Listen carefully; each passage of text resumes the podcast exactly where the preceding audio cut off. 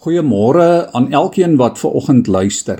Psalm 24 is vir my persoonlik een van die heel mooiste psalms en ek lees dit graag vir ons uit die nuwe direkte vertaling. 'n Psalm van Dawid. Aan die Here behoort die aarde en alles daarop, die wêreld en die wat daar woon, want hy het dit op oseane gegrond en op strome gevestig. Wie mag teen die berg van die Here opgaan en wie mag in sy heiligdom staan? Die mens met skoon hande en 'n rein hart wat nie na nietigheid hinker en nie sweer by wat vals is nie, sal seën ontvang van die Here en geregtigheid van die God wat red. Dit is die geslag wat na hom soek, hulle wat u teenwoordigheid opsoek. Dit is Jakob Lig op julle koppe, poorte. Ja, lig julleself op, ewige ingange, sodat die roemryke koning kan ingaan. Wie is hierdie roemryke koning? Die Here, die magtige held.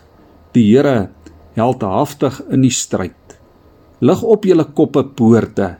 Ja, lig julleself op, ewige ingange, sodat die roemryke koning kan inkom. Wie is hy? Hierdie roemryke koning, die Here, heerser oor alle magte. Hy is die roemryke koning. Hierdie Psalm, liewe vriende, begin met die radikale uitspraak: Alles behoort aan die Here.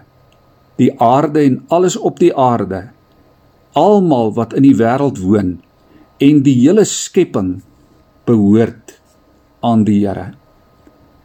Vandag is daar sekerlik baie redes om af te lei dat die mens oor die algemeen hierdie waarheid nie wil glo nie.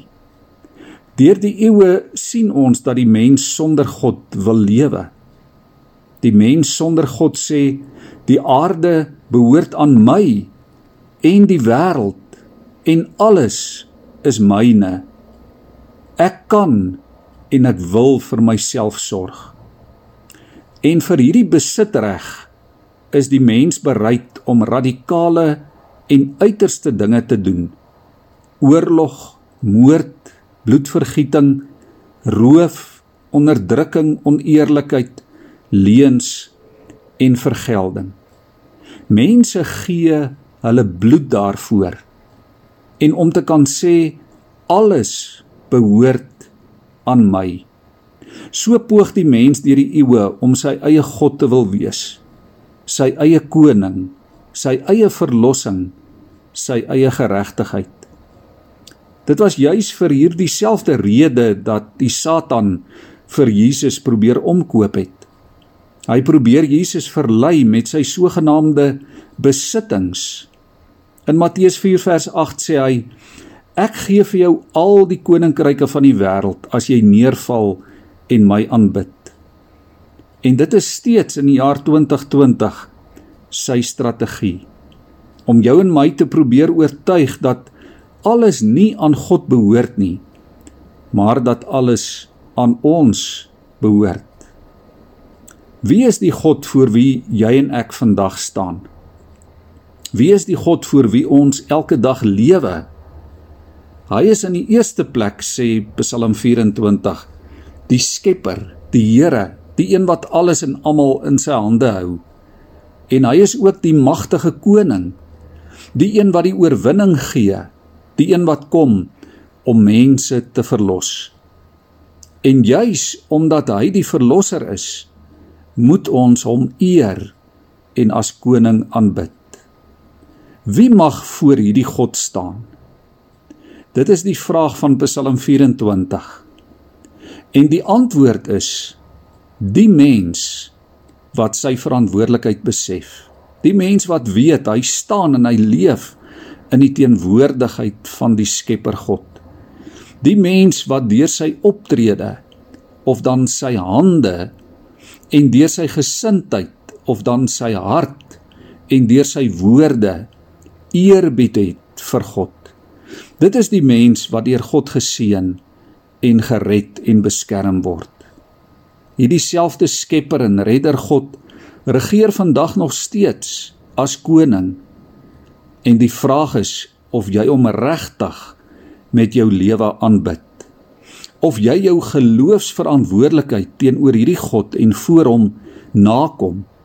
Lewe jy as Christen, as koningskind, 'n dankbaarheidslewe voor die Here. Jy kan dit net doen deur die genade wat hy in Christus as erekoning aan jou bewys het. Deur te erken, Here, U is die koning en nie ek nie. Kom U en heers op die troon van my lewe. Ons buig ons hoofde voor die Here. Here, ons bely vanmôre, U is die roemryke koning. U is die magtige held, die oorwinnaar in elke stryd. Here, ons nooi U vandag in ons lewens in. Kom vernuwe ons deur U Gees. Kom gee vir ons skoon hande en reine harte en seën ons met u geregtigheid en met u teenwoordigheid.